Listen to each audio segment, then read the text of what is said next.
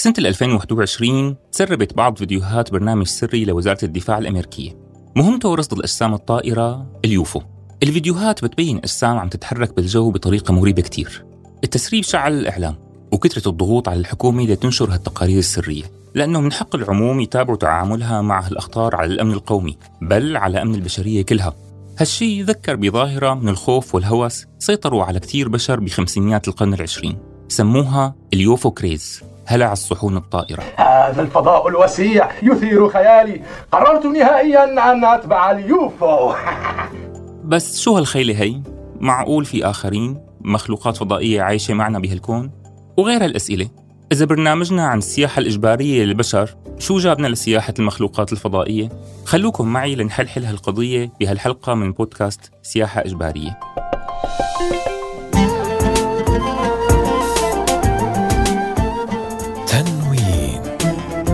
بلسان عربي.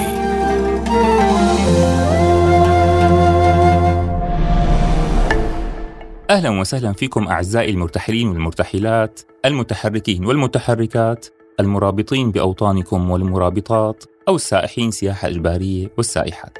التأمل بالسماء أمر ملازم للبشرية. تأمل بيختلط فيه الفضول والخيال بالحذر والريبة. ومع تطور التقنيات الجوية والفضائية وتزايد الكشوفات ازدادت متعة الغموض وازداد الفضول والخيال البسيط حول الفضاء صار باب من أوسع أبواب آداب وسينما ما يسمى بالخيال العلمي. هذا عن الخيال. أما الاهتمامات الواقعية بالفضاء فالجزء الأهم منها دفاعي. لرد هجمات الأعداء الأرضيين طبعا. بينما غالب اهتمامات الأبحاث العلمية فبالاتصالات والصور الجوية والخرائط والطقس والمناخ وتغيرات الأرض وغيرها يعني متعلق بالأرض نفسها. أما الاهتمام العلمي بما هو خارجها فبيحتاج ميزانيات ضخمة جدا لتطوير تقنيات مو متوفرة حاليا وما له أمر عاجل حاليا. هلع اليوفو أو الصحون الطائرة اللي ذكرت لكم إياه بلش بمنتصف القرن العشرين. لما بلشت تتسرب للعالم بأمريكا تقارير دفاعية عن أجسام طائرة ما قدرت وزارة الدفاع تحدد طبيعتها. وبلش بقى التضخيم الإعلامي يزيد بشكل مجنون. والخيال والفضول العلمي تحولوا لهلع عام من المجهول القادم من الفضاء. تأسست جمعيات أهلية تهتم بمراقبة السماء والصحون الطائرة وانتشرت التقارير بالصحافة والإعلام. اهتمام مرضي غير مسبوق ونظريات مؤامرة عن تواطؤ الحكومات مع الفضائيين. أنا رئيس جماعة آه، تحبذ صداقة رجل الفضاء يهمني أن أتابع اليوفو بس لو بنرجع من دقق فأصل كلمة يوفو يو إف أو هي اختصار لعبارة Unidentified Flying Object. يعني حرفيا جسم طائر غير معرف. ببساطة بوزارة الدفاع الأمريكية بيرصدوا كتير أجسام طائرة بالجو ونسبة كتير قليلة منها بيعجزوا يحددوا طبيعته بشكل سريع بلحظة رصده. فبيكتبوا بالتقرير ببساطة يوفو ولاحقا بيدققوا هالتقارير وبيتعرفوا على معظمها. غالبها أجسام معروفة من صنع البشر أو ظواهر جوية وفلكية أو تشويش بأجهزة الاستقبال. وما في أي شيء خطر بالموضوع ولا حتى في أي شيء مثير للبحث علميا. أما بذهن العموم تحولت الكلمة اللي بتعبر عن شيء مجهول مؤقتا عند المختصين لتعبر عن فانتازيا. خيال جامح لكنهم بيآمنوا فيه كواقع بأذهانهم. صارت يوفو مرادف للصحن الطائر. واستمر هالهلع لدرجة صار يأثر فعليا على عمل الدفاع الجوي بشكل سلبي. الناس صارت تبلغ عن كل شيء غريب بيشوفوه عم يطير. ومن الخوف ما عاد ميزوا بين الحقيقة والتهيؤ. بل صار في تلفيق لأحداث على أساس إنها صحون طائرة لهدف الشهرة والظهور وما خف الموضوع إلا مع انتهاء الحرب الباردة وظهور العلماء على الإعلام ليطمنوا العموم أنه كل هالمخاوف غير ضرورية بل مضرة جدا على الأمن العام المهم مع تنوع بأفلام الخيال العلمي عن الفضاء منلاقي قسم منها بيعالج أسئلة مثل هل نعيش وحدنا في الكون؟ مين معنا؟ شو شكلهم؟ متحضرين ومتقدمين علميا ولا همج ومتخلفين؟ شو علاقتنا معهم؟ سلم ولا حرب؟ بدهم يغزونا ويستعمرونا ويستغلونا؟ ولا أصدقاء مسالمين جايين يتعرفوا على جنسنا البشري عن قرب؟ لكن قسم كبير من هالأفلام بيشترك بأمر هام مع هالهلع والتهيؤات المفزعة اللي خبرتكم عنها وبيتناول الموضوع بطريقة ممكن اختصرها بهالجملة نحن مجموعة البشر الأخيار الأطهار على هذه الأرض عم نواجه خطر محدق يهدد وجودنا البشري كاملا. يقتضي أن نتجاوز اختلافاتنا وأن نتوحد ضد أولئك الآخرين الالينز هالكائنات الشريرة الخطيرة. ونمنعهم من دخول حدود غلافنا الجوي وتلويث أرضنا. هالطريقة من تناول الموضوع تحوي على ظاهرتين. بسموهم الفلاسفة وعلماء النفس والإجتماع belonging and othering أو المؤاخاة والمؤاخرة. رح بسط لكم هالمفهومين أكثر هوياتنا وانتماءاتنا نحن البشر قائمة على نواحي متنوعة ومتعددة على أساس اللغة، الدين، العائلة أو العشيرة، المكان ونمط العيش بدوي ولا حضري؟ حضري ريفي ولا مدني؟ على أساس المهنة وطبيعة العمل عمال ولا أصحاب العمل؟ فقير ولا غني؟ على أساس مستوى التعليم والثقافة نشاطات وهوايات وأذواق مختلفة بالرياضة والموسيقى والأدب والشعر وبالتأكيد على أساس الاشتراك بالأفكار والتوجهات والأيديولوجيا. هالتعيد بالهويات والاختلاف والاشتراك فيها طبيعي عنا كبشر. يعني ممكن نختلف عن بعضنا بوجه أو آخر من مكونات هويتنا. ونضل قادرين على الانتماء والمؤاخاة على أساس المشتركات الباقية. ممكن نكون مشجعين لفريق ما لكن من مهن مختلفة. أو ننتمي لنقابة العمال أو المهندسين ونختلف بالدين. ممكن نتفق بتوجه سياسي لكن نعيش ببلاد مختلفة وهكذا. وحتى لو اختلفنا بغالب مكونات هويتنا عن بعض بيضل في مشترك إنساني جامع إنه ببساطة نحن بشر بالأساس. يعني البيلونجينج الانتماء المؤاخاة لحد كبير ممكن تكون حاجة طبيعية ومو مشكلة بحد ذاتها. لكن الأمر الإشكالي لما ما بيكون فينا نعمل هالمؤاخاة إلا بناء على مؤاخرة إلزامية معها. يعني ما بيعود فينا نحدد انتمائنا كمجموعة إلا على أساس أجزاء محددة ومضخمة أو حتى متخيلة من مكونات هويتنا. وبوجود آخر بالضد منا وبالصدام معنا. فيما يتعلق بهالأجزاء من هويتنا. لازم يكون في صدام حضارات وصراع ثقافات حتمي مع آخر ما ولو كان هذا الآخر خيالي أو حتى فضائي. يعني هويتنا القائمة على المؤاخرة بتستلزم حكما رفض قاطع وحاد لآخرين. ولأنه هالرفض القاطع بيخالف الواقع العملي فبيستلزم أنه نصنع خيال عن الآخرين وعن أنفسنا سوا. منضخم اختلافاتنا ضدهم منقلص ومنهمل مشتركاتنا معهم. منشوفهم عكسنا ومنشوف حالنا عكسهم. بل أكثر من هيك ممكن نرفع من قدر هويتنا لنجعلها معيار الإنسانية الفضلى نحن شعب الله المختار. والآخرين حكما بدرجة أقل من الإنسانية بل حتى بحالات معدومي الإنسانية وذلك بسبب هويتهم الخيالية يلي نحن تصورناها وقررناها عنهم حتى. وعلى الرغم من أنه هالظاهرتين المؤاخاة والمؤاخرة جزء منهم موجود بشكل ما من قديم مع البشر إلا أنه صار كتير متضخم بعصرنا الحديث. والأسوأ أنه هالأمر صار أداة سياسية بطرائق عدة. وبوقتنا الحالي من أكثر المتأثرين فيه هن شعوب المنطقة يلي صار اسمها بالموضة الجديدة The Global South شعوب الجنوب المعترين. وبالأخص السياح الإجباريين اللي معظمهم جايين منها ومهاجرين على منطقة The Global North مطرح ما بيسكنوا شعوب الشمال الخواجات المكرمين. ملاحظين المؤاخرة؟ جنوب شمال غرب شرق. متحضر بالأصالة ومتخلف بالأصالة. خواجة مكرم ومهاجر معتر. سائح اختياري وسائح إجباري.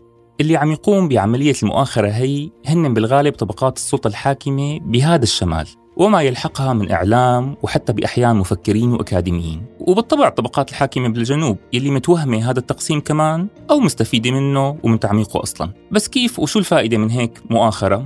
في أهداف كتير. منها وأبسطها هو الانتخابات. لو البلد فيه انتخابات حقيقية طبعاً. تصوير اللاجئين على أنهم آخر خطر محدق وجودي مسألة حياة أو موت aliens جايين من الفضاء يدمرونا أو يستعمرونا ويستعبدونا. وبالمقابل تصوير السياسي نفسه أنه هو بطل الأمة مثل بطل البشرية الخارق الحارق الخير بالأفلام يلي رح ينقذ البشرية. هذا هو حقا جراندايزر هالتصوير بيجيب أصوات منيح من اللي صدقوا رواية اللاجئ كآخر بالتأكيد. كذلك الأحزاب اليمينية والشعبوية رح تستفيد من هالرواية لتقوية الهوية القومية الصافية النقية المهددة من قبل هويات الالينز الملوثة والمعكرة والمخلوطة. بالتالي هالأحزاب رح تقوي قاعدتها وحضورها السياسي وصلاحية أفكارها منتهية الصلاحية من زمان أصلا. أما أصحاب المصالح والأموال وحلفائهم السياسيين فرح يستفيدوا من عدة نواحي. عدة عصافير بحجر واحد. أولا بيضمنوا تشغيل اللاجئين بشروط غير إنسانية. ما هاللاجئين آخر أصلا. بشر من نوع أدنى وأقل تحضرا وما بيستحق أجور عادية. بيشغلوهم بأجور منخفضة وكأنهم عبيد. وخصوصا إذا كان وضعهم القانوني مو ضابط ما عندهم أوراق ثبوتية أو غير مسجلين. بمعنى لأنهم الأسباب كثيرة أضعف من أنه يدافعوا عن حقوقهم ويرفعوا صوتهم. وثانيا بهالطريقة فيهم يخفضوا شروط التشغيل وأجوره بشكل عام للعمال المحليين حتى. ما بدك تشتغل بهالأجر المنخفض؟ عم تتدلل؟ إيه في مليون لاجئ يشتغل محلك بنص الراتب اللي عم تطلبه وبدوامين مو واحد. هيك رح يضطر كثير من العمال يقبلوا بهالشروط الجائرة خصوصا إذا ما كان عندهم نقابات تنادي بحقوقهم. وبالتالي الأجور بتنخفض بالعموم. أما الفائدة الثالثة والمباشرة من المؤاخرة أنه هالمنتفعين رح يحولوا مسؤولية استغلالهم للطبقة العاملة المحلية وتصعيب شروطها منهم إلى اللاجئين أنفسهم. بالتالي بيضمنوا أنه غضب هالطبقة رح يخف ويتحول عنهم لمين؟ تجاه الآخر طبعا مين سرق لك شغلك؟ اللاجئ مو نحن بل وربما يكونوا هالمنتفعين بعيون قسم من الطبقات المتأثرة باستغلال اللاجئين أبطال ورح ينتخبوهم لأنهم عم يظهروا أنفسهم بمظهر اللي عم يحاربوا خطر اللاجئين الالينز الأرضيين يلي دخلوا على البلاد بشكل غير قانوني مثل يأجوج ومأجوج وعم يسرقوا فرص العمل شي بذكر بأبطال البشرية المغاوير يلي عم يحاربوا الالينز الفضائيين وينقذوا البشرية. يعني مو بس منستغل اللاجئين بالحقيقة كعبيد بل منستغلهم كمان من خلال الصورة الخيالية المشوهة يلي كوناها بعقول الناس عنهم. منستخدمهم كشماعة وأداة لتحويل مسؤولية المشاكل عن كتير أمور عن المسؤولين الحقيقيين. فرص عمل سرقوها اللاجئين. مشاكل أمنية لاجئين. مشاكل اقتصادية كمان لاجئين. مشاكل كوكب الأرض والاحتباس الحراري طبعا لاجئين. أنا ما لي علاقة بالموضوع. أما نحن أصحاب السلطة فما لنا علاقة. وحتى لو كان بعضنا ها بعضنا فاسدين وفاشلين ومستبدين لكن بالتأكيد فيكم يا شعوب تتسامحوا مع كل عيوبنا وتضلوا تدعمونا وتنسوا الباقي. ولأنه نحن منكم وأنتم منا آه، من جماعتنا فنحن واحد. ونحن أملكم الوحيد بالتخلص من مشكلتكم الأساسية الأهم اللي هي الآخر فقط. ركزوا عليه واتركوا لنا الباقي. بحالات كتير ممكن توصل المؤاخرة لدرجة متطرفة باعتبار الآخر منزوع الإنسانية حتى وبيخرج التعامل معه من مجال التعامل القانوني والأخلاقي بين البشر. يعني الآخر بيصير مستحل بالكامل وما في أي عواقب قانونية ولو أخلاقية شو ما عملنا فيه بس لأنه آخر. تعاملنا معه حالة استثناء خارجة عن قواعد التعامل الاعتيادي والمتفق عليه بيننا كبشر. ممكن أتوسع معكم بنقطة نزع صفة الإنسانية عن الآخر بحلقات قادمة لكن بالتأكيد في استخدامات وأنواع مختلفة للمؤاخرة مو بس مؤاخرة اللاجئين. مفاهيم مثل الاستشراق الإسلاموفوبيا رهاب الإسلام أو الزينوفوبيا رهاب الأجانب العنصرية فكرة القومية كلها نواحي بتحتوي على شكل من أشكال المؤاخرة وكلها تم استخدامها من قبل الطبقات الحاكمة والسياسيين والمفكرين يلي بيبرروا لهم سياساتهم. لكن المشترك بين كل هالأنواع مع مؤاخرة الالينز مو بس إنها بتعتمد صورة مشوهة ومضخمة لجزء من واقع هوياتنا البشرية بل بتتحول هالصورة لخيال جامح عن الآخر. بينتج بالمقابل خيال عن أنفسنا. بنرفع فيه من قيمتنا مقابل الآخر بتصير أفكارنا عن أنفسنا وعن الآخر المتخيل مجموعة من الخيالات. حروب فضاء وفانتازيات تقدم وبطولة وتعالي أخلاقي وحضاري وثقافي.